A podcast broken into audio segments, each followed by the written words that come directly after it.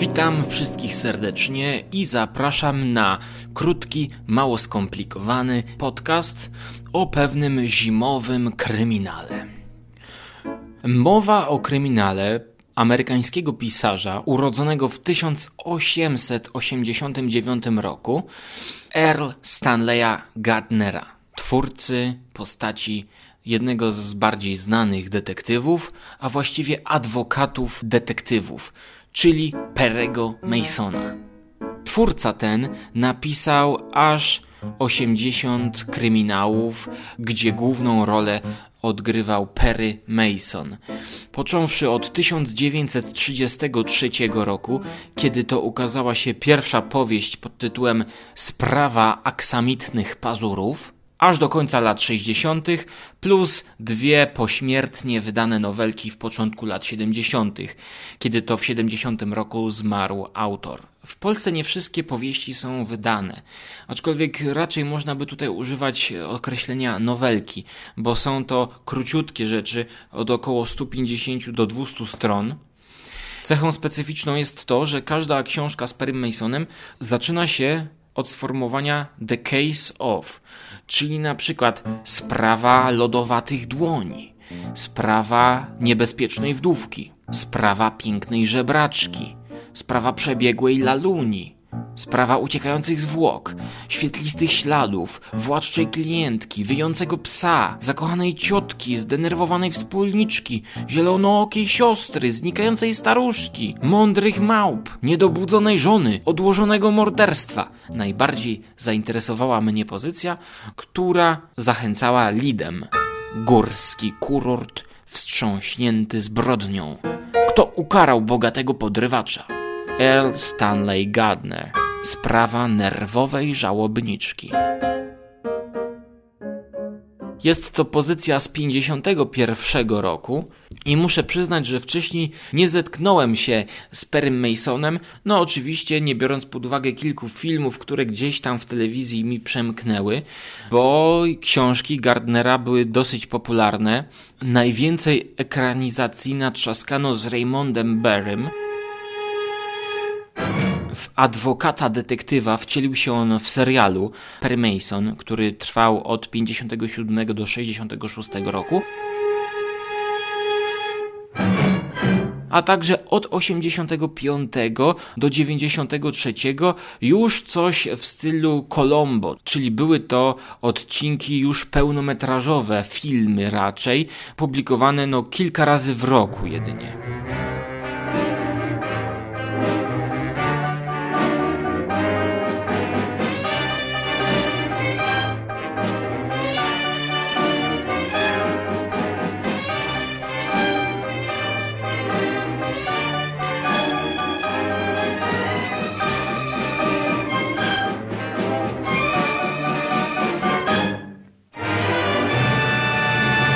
Ale przejdźmy do tego, kim jest nerwowa żałobniczka.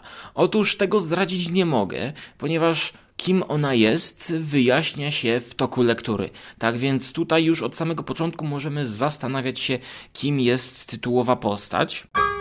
Górski kurort to jest coś, o czym lubię czytać podczas zimy, jak już zapewne wiecie. I mieścinka nad zamarzniętym jeziorem jest tutaj bardzo sympatycznie opisana.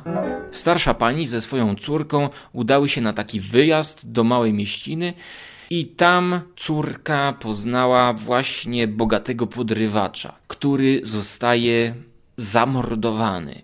Oczywiście jest o to podejrzana córka. Matka tej dziewczyny, przebudzona jakimś krzykiem, w nocy zaciera ślady, podejrzewając, że jest to jej córka i chce właśnie uchronić ją od podejrzeń. Dodatkowo sprawę komplikuje fakt, że wszystko było obserwowane przez tutejszych mieszkańców, sąsiadów, którzy no niezbyt lubią tego podrywacza, Cushinga, i jakoś zbytnio z policją nie chcą współpracować. Kobieta, która zatarła ślady po swojej córce, dowiaduje się, że właśnie Perry Mason, no jakżeby inaczej, jeździ na nartach, wypoczywając w tym przyjemnym kurorcie i zatrudnia go jako swojego adwokata. Tak więc mamy tutaj ciekawą sytuację, ponieważ oskarżona wynajmuje detektywa, który ma ją chronić. Ale my tak naprawdę do końca nie wiemy, kto zabił ponieważ w momencie, w którym następuje rozmowa córki z matką, z której moglibyśmy dowiedzieć się, czy to córka zabiła, czy przyznaje się do tego matce, czy nie przyznaje się, to właśnie mamy białą plamę. Więc te wszystkie początkowe wydarzenia mamy pokazane po to, żeby mieć ogląd sprawy taki jak Per Mason.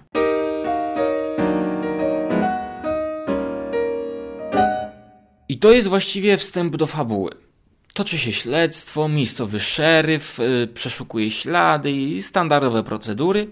Jednak to, co jest cechą charakterystyczną książek Gardnera, to to, że jest to thriller prawniczy, adwokacki właściwie, ponieważ w połowie książki akcja wyjeżdża z kurortu, powiedzmy, do sali sądowej. I całe śledztwo toczy się właśnie już na sali sądowej może to co niektórych znudzić, ponieważ mamy właśnie dochodzenie, jakby powtórne dochodzenie, powtórne poznawanie tej całej sytuacji, wydarzeń na sali sądowej. Wszyscy są przesłuchiwani i członkowie palestry, prokurator, adwokat przesłuchują swoich świadków, podejrzanych, stosując różne sztuczki. I to jest właśnie gro książek tego pisarza, którego można by polecić ludziom, którzy fascynują się prawem. No gdybym ja studiował prawo, no to myślę, że chciałbym przeczytać każdą z tych 80 powieści.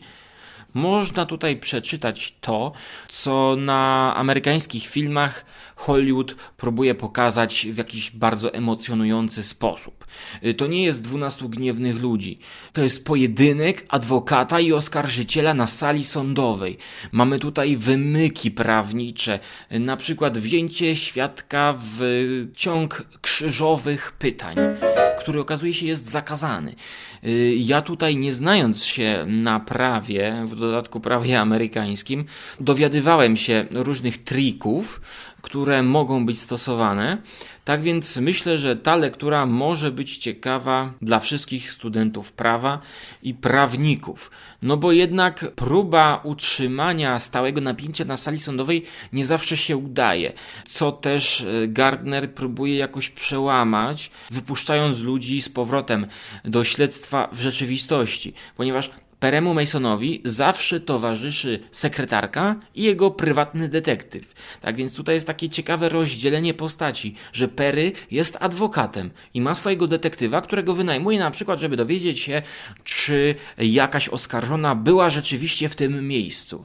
I czasami możemy obserwować to poboczne dochodzenie do faktów.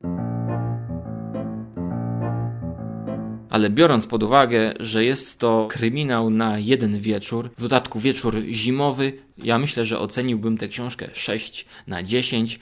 W dodatku, jeśli powiem, że zakończenie zaskoczyło mnie, to chyba każdy, kto lubi kryminały, może po to sięgnąć.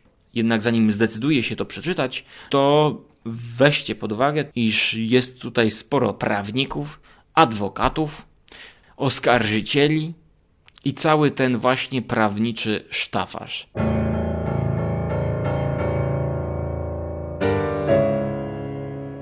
Ja zaspokoiłem swoją ciekawość i poznałem metody Perego Masona. Jest to ciekawa postać, która walczy właśnie jako adwokat, ale myślę, że niezbyt szybko spotkam się z nim ponownie. A czy wy chcecie poznać jakąś sprawę, którą on prowadził? No to wybór jest spory.